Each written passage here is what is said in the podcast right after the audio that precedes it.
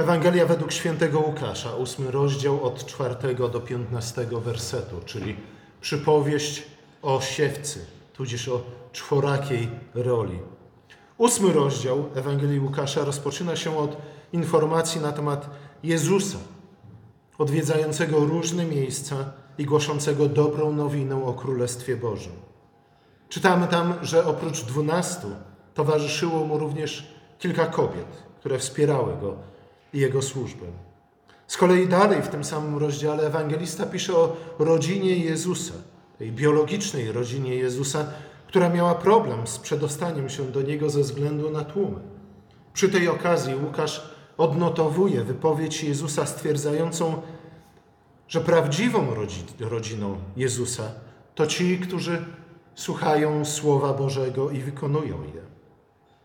Tu Jezus wytycza granice rodziny Bożej, a jest to, a są one wytyczone przez słuchanie i wykonywanie Słowa Bożego. Ci, którzy mówią Panie, Panie, a nie wykonują, albo nawet nie słuchają, niestety są samozwańcami, co najwyżej.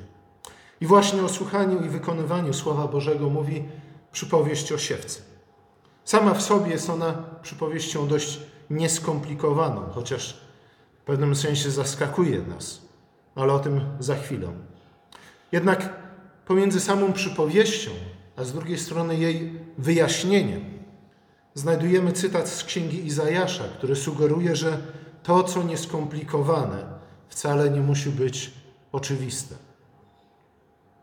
To, co wydaje nam się proste i jasne, często ukrywa rzeczy, których nawet nie próbujemy odnaleźć. Można patrzeć, a nie widzieć, można słuchać, a nie słyszeć. Oczywiście nikogo z nas to nie dotyczy, ponieważ my zawsze słuchamy pilnie i słyszymy, zawsze patrzymy i zawsze widzimy. Nie zawsze tak jest, że złe rzeczy dotyczą tylko innych ludzi, a nas dotyczą tylko dobre i szlachetne. Jeśli z takim nastawieniem przychodzimy do Słowa Bożego i również do tej przypowieści, to znaczy, że niestety żyjemy w zakłamaniu. Jezus uzasadnia użycie właśnie przypowieści jako formy nauczania, która pojawia się w Ewangelii mniej więcej w połowie służby Jezusa, właśnie cytatem z proroka Izajasza, dokładnie z szóstego rozdziału. Kiedy Izajasz znajduje się w sali tronowej Boga, w miejscu najświętszym, Bóg, oczyściwszy jego usta, posyła go do Izraela. I właśnie wtedy Bóg mówi mu: Słuchaj, proroku, posłam cię, abyś zwiastował, abyś prorokował głuchemu ludowi, który nie przyjmie Twojego zwiastowania. Możemy się zastanawiać, no dobrze, ale jak to się ma do stwierdzenia, że Słowo Boże nigdy nie wraca bez wykonania przeznaczonej mu pracy? No właśnie o to chodzi. Właśnie o to chodzi. O tym jest ta dzisiejsza przypowieść. Prorokowanie bowiem będzie zapowiedzią nadchodzącego sądu i zniszczenia. Kiedy prorok pyta, jak długo ma prorokować, Bóg mu odpowiada, aż zostaną spustoszone miasta i pozbawione mieszkańców, aż domy staną się bezludne, a upuszczone pola pustkowiem. Dalej w księdze Izajasza właśnie ten sąd, którego zapowiedzią są słowa, których lud nie przyjmuje, bo słucha, a nie słyszy, patrzy, a nie widzi, że ten sąd będzie oznaczał tak naprawdę powrót. Powrót do pierwotnego stanu nieuporządkowanego, nieuporządkowanej pustki. Bóg zachowa jedynie garstkę, pień Jessego, z którego odbije nowy pęd. Służba Jezusa, zwróćmy na to uwagę, przebiega dokładnie w ten sam sposób, jak służba Izajasza. Jezus ukrywa w którymś momencie swoje przesłanie przed tymi, którzy stali się ślepi i głusi, przed tymi, którzy tak naprawdę nie chcą ani widzieć, ani słyszeć, twierdząc, że mają doskonały wzrok i nic złego się nie dzieje z ich słuchem. To ukrycie samo w sobie jest nie tylko zapowiedzią sądu i zniszczenia, ale jest właśnie samym sądem, czy też częścią sądu i zniszczenia. Może w jakimś stopniu również my, jako Kościół, jako ciało Chrystusa, powinniśmy traktować służbę zwiastowania w podobny sposób jak Jezus. Oczywiście, tak jak Jezus, nie zaczynamy głosić Ewangelię w zagadkach i w przypowieściach. Słuchajcie, często nam to się myli. Jest taka metoda zwiastowania kazań, która się bardzo wielu ludziom strasznie podoba i jest bardzo popularna. E, co tak naprawdę dowodzi jej fałszywości. Ale polega ona na tym, że rozpoczyna się kazanie od pewnej opowiastki, od pewnej historii. I nam się wydaje, że właśnie to jest tak jak nauczanie w przypowieściach. Te ilustracje mają nam pomóc lepiej zrozumieć, o co chodzi. Tłumaczymy, tłumaczymy, ludzie nie rozumieją, nie? więc w końcu zaczynamy upraszczać i wyjaśniać jeszcze raz i nalegać, myśląc, że problem leży w komunikacji, czy też w komunikowaniu. Słuchajcie, często tak bywa. Nikt z nas nie rodzi się wybitnym retorem. Również retoryki należy się uczyć, a nie tylko modlić się o nią. Ale słuchajcie, nikt chyba nie będzie twierdził, że Jezus był kiepskim mówcą. Czy może jednak tak? Czy to, że był kiepskim mówcą, wyjaśnia nam tą, tę jego w pewnym sensie pozorną, ale jednak w jakimś stopniu realną porażkę jego służby?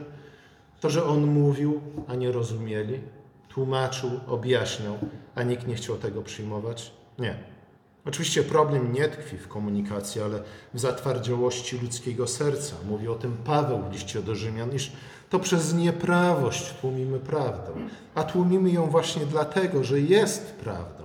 Prawda jest tym, czego najbardziej się boimy. Prawda Słowa Bożego jest bowiem jak każdy ideał, jak każda doskonałość, która przez sam fakt, że jest ideałem, już nas osądza, ze względu na to, że nikt z nas do niej nie dorasta. I albo z pokorą przyjmiemy ten sąd, uznając własną niedoskonałość i niedojrzałość w pokorze, a, a także naszą potrzebę oczyszczenia i dojrzewania, albo też zaatakujemy prawdę jako fałsz i narzędzie zniewolenia. Słuchajcie, będzie to albo pierwszy krok ku dojrzałości, albo kolejny krok ku piekłu. Taką tak naprawdę większość ludzi zmierza. To nie znaczy, że większość ludzi tam się znajdzie, ale większość ludzi zmierza ku temu. Więc jak to jest z tymi opowiastkami? Czy przypowieści Jezusa to tak naprawdę były takie bajki Ezopa, które miały w sposób uproszczony, posługując się jakimiś zwierzątkami, objaśnić to, co było zbyt skomplikowane? Nie, niekoniecznie. Sam Jezus mówi, że nie o to chodzi w tym wszystkim. One nie służą uproszczeniu przesłania. One nie są komiksami, które pozwalają nam lepiej zrozumieć, co tak naprawdę Immanuel Kant napisał w swoich rozprawach. Nie, nie o to chodzi, wręcz przeciwnie. Słuchajcie, kiedy uszy wielu zarastają błoną. Zarastają błoną głównie z powodu pychy. Jeśli wielu nie chce słuchać Słowa Bożego, wtedy wbrew temu, czego Jezus nas uczy, zaczynamy przemawiać do nich w historiach obrazkowych.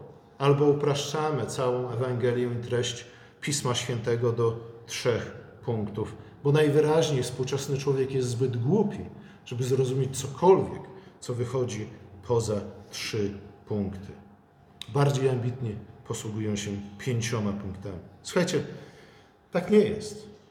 Jezus zaczyna przemawiać w przypowieściach, a nie jeszcze raz, jeszcze raz na patyczkach objaśnia, ile to jest dwa razy dwa.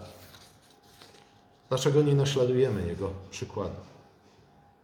Już samo nauczanie w formie przypowieści przynosi właśnie ten podział na tych, którzy chcą słuchać i na tych, którzy tłumią prawdę poprzez własną nieprawość.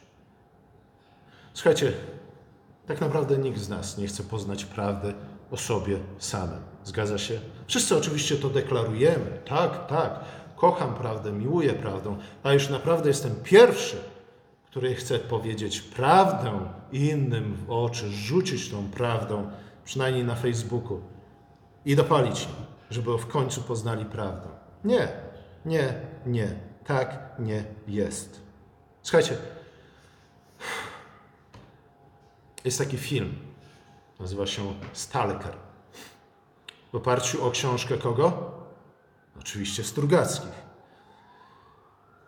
Jest tam komnata, do której jeśli człowiek się znajdzie do niej drogę, wejdzie, unikając oczywiście wszelkich innych niebezpieczeństw. A pierwszym niebezpieczeństwem jest policja pilnująca drogi do komnaty, żeby nikt tam się nie dostał. Ktokolwiek się znajdzie w, ten, w tej komnacie, komnata spełni jego najgłębsze pragnienie i życzenie. Nie? Coś w rodzaju bajki o złotej rybce. Wszyscy chcą tam się dostać. Ale słuchajcie, ciekawe jest to, że akurat w tym filmie, nie? Jeden, jeden to jest pisarz, a drugi to jest naukowiec. Kiedy w końcu są u progu komnaty i dociera to do nich, że no dobrze, ale komnata pozna tak naprawdę najgłębsze pragnienia mojego serca i nie poprzestanie tylko i wyłącznie na tym, co ja jej powiem na temat tego, czego ja sobie życzę. Co się dzieje? Uciekają, boją się, nie chcą. Słuchajcie, wiele prawdy jest właśnie w tym. Już samo nauczanie w formie przypowieści przynosi ten podział na tych, którzy są, chcą poznać prawdę na swój własny temat i tych, którzy nie chcą jej poznać. Przypowieściach chodzi zatem nie tylko i wyłącznie o przekazanie informacji, ale o sprowokowanie reakcji. Tym samym właśnie z przypowieści w szczególny sposób zasługują na miano miecza obosiecznego. Są bowiem nie tylko zapowiedzią sądu, ale same sobie są aktem sądu. I mówi o tym również Jezus, kiedy stwierdza, że nie wszystkim słuchaczom dane jest poznać tajemnicę Królestwa Bożego. Dane jest to Jego uczniom. Ale dlaczego jest to im dane? Nie z tego powodu, że są po prostu Jego uczniami, ale dlatego, że oni przychodzą do Niego i pytają Go i mówią: Mistrzu, czy mógłbyś nam wyjaśnić znaczenie tej przypowieści? A zatem zauważają, że w tej przypowieści kryje się coś o wiele głębszego niż to, co mogłoby się nam zdawać na pozór. Pierwszym znakiem przynależności do tego wewnętrznego kręgu wtajemniczonych jest to, że chcą, przychodzą i proszą. Pomóż nam lepiej zrozumieć. Szczera chęć poznania znaczenia przypowieści. Ci, co przychodzą do Jezusa z głębi duszy, prosząc o wyjaśnienie, są tymi, którym dane jest poznanie tajemnic Królestwa Bożego. Zatem, jak mamy się zabrać do rozwikłania tych tajemnic Królestwa ukrytych w przypowieściach? Słuchajcie, o to właśnie chodzi. Nie? Jezus ukrywa po to, żeby się przekonać, komu tak naprawdę zależy na poznaniu tajemnic Królestwa Bożego nie podaje wszystkiego na tacy. Przynajmniej w którymś momencie już przestaje tak czynić. No i właśnie ten moment, ten moment, w którym, ten moment zachowania, wahania, po którym mówię tak, chcę poznać, chcę włożyć w to jakiś wysiłek. Tak naprawdę mi na tym zależy. Jest tym momentem oddzielenia pszenicy od konkolu. Po pierwsze, warto pamiętać, że, tak jak powiedziałem, przypowieści nie są opowiastkami z morałem nie są bajkami Ezopa czy też La Fontaine'a. Na podstawowym poziomie są najczęściej pewnymi porównaniami, metaforami. Jak widzimy tam na przykładzie kobiety dodającej zakwas do ciasta. Czasami bywają alegoriami. I tak naprawdę przypowieść o siewcy jest taką alegorią, gdzie każdy szczegół i każdy detal przekłada się na Ewangelię o Królestwie Bożym, przynajmniej na jakiś jej wycinek. Czasami są przysłowiami, tak jak znajdujemy je w Księdze Przysłów. Z kolei, kiedy Jezus wyjaśnia znaczenie przypowieści w Ewangelii Mateusza, tej właśnie przypowieści, cytuje Psalm 78. Czym jest Psalm 78? Psalm 78 jest jakby streszczeniem historii Izraela, podsumowaniem historii Izraela, ukazaniem nie tylko głównych jej etapów, ale także pewnych schematów, którymi ta historia się rządzi. Co oznacza, że to właśnie w historii Izraela poznajemy pewne typy, pewne schematy, pewne wzorce powtarzające się, które prowadzą nas ku pełni królestwa. Te zasady, te schematy, według których Bóg prowadzi nas od ogrodu do miasta. Psalm 78 mówi nam o tym, że przypowieścią jest tak naprawdę cała historia ludu Bożego. W przypadku przypowieści Jezusa chodzi zwykle o wyjaśnienie Jego służby. A więc o objaśnienie tego, co się dzieje, co go spotyka, dlaczego go to spotyka, dlaczego ludzie reagują tak, a nie inaczej na Jego słowa i na Jego dobroć. W pewnym sensie jest to również objaśnieniem tego, co spotyka i co spotka jeszcze zarówno Jego uczniów, jak i pozostałych Żydów w Jego czasach i w czasach apostolskich. Słuchajcie, ale znów, jako wieloletni chrześcijanie jesteśmy osłuchani z przypowieściami i może nam się zdawać, że nie kryją już one przed nami żadnych tajemnic. A jednak nie zapominajmy o tym, że są one w gruncie rzeczy zagadkami, do których rozwiązania, rozwiązania potrzeba określonego klucza. W przypadku tej przypowieści Jezus daje nam ten klucz po prostu ją objaśniając. Te posiada, mówi o tym, że każdy detal posiada symboliczne znaczenie, że jest to pewien rodzaj alegorii. Siewca, ziarno, różne rodzaje gleby, wody, ciernie. W tym przypadku Jezus odkrywa uczniom znaczenie tej przypowieści, nie zawsze tak czyni.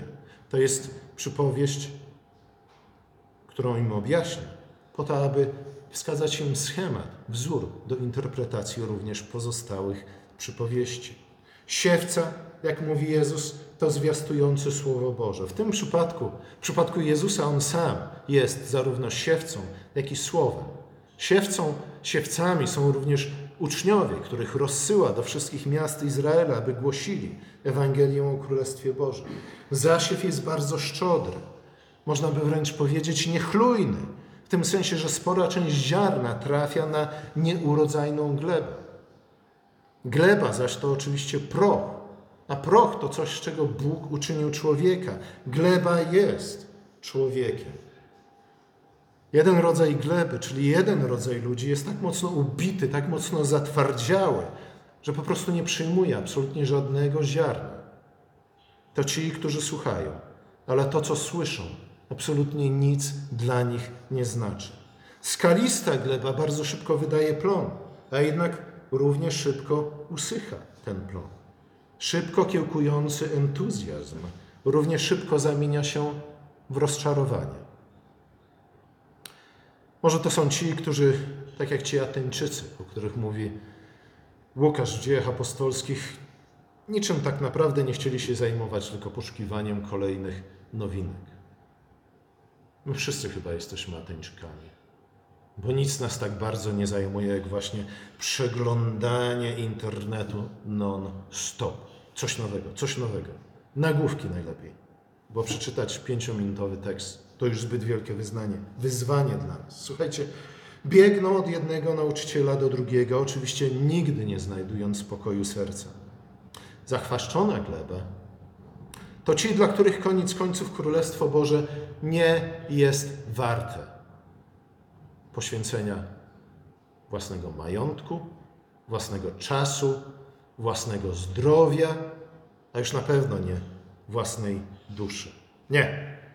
Jest mnóstwo rzeczy o wiele bardziej wartych, więcej wartych niż Królestwo Boże. I słuchajcie, na co dzień to widać, co dla kogo jest tak zwanym priorytetem. Oczywiście ci ludzie najczęściej tłumaczą się po prostu rozsądkiem, zdrowym rozsądkiem, mówiąc, że przecież jeden wróbel w garści jest lepszy niż dwa wróble na dachu. W pewnym sensie mają rację, ale tylko do czasu. W końcu czwarta gleba jest żyzna, dobrze nawodniona, wydaje obfity owoc, spulchniona. I znów Jezus opowiada tę przypowieść i tak naprawdę pyta nas, który rodzaj gleby najbardziej Cię przypomina. Wzywa nas do jakiejś reakcji, do jakiejś refleksji, do jakiejś zadumy nad sobą samym, do jakiegoś rachunku sumienia. Ale to nie wszystko. Słuchajcie, cztery rodzaje gleby i zasiew.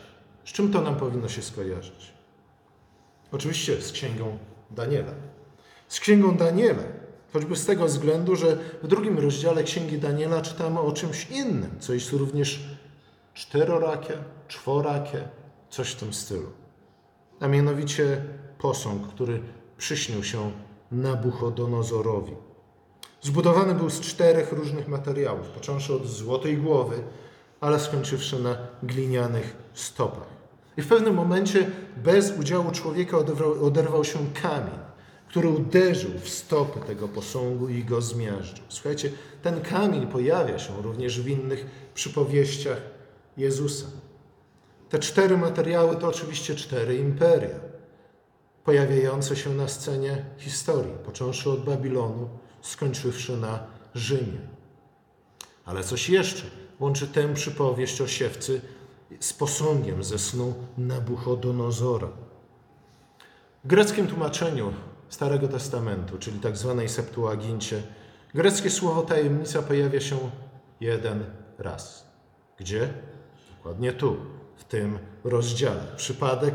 Prawdopodobnie, tak powinniśmy powiedzieć, ale oczywiście tak nie jest. Również w tym rozdziale jest mowa o królestwie ustanowionym przez Boga niebios, a więc o królestwie Bożym, o królestwie niebieskim.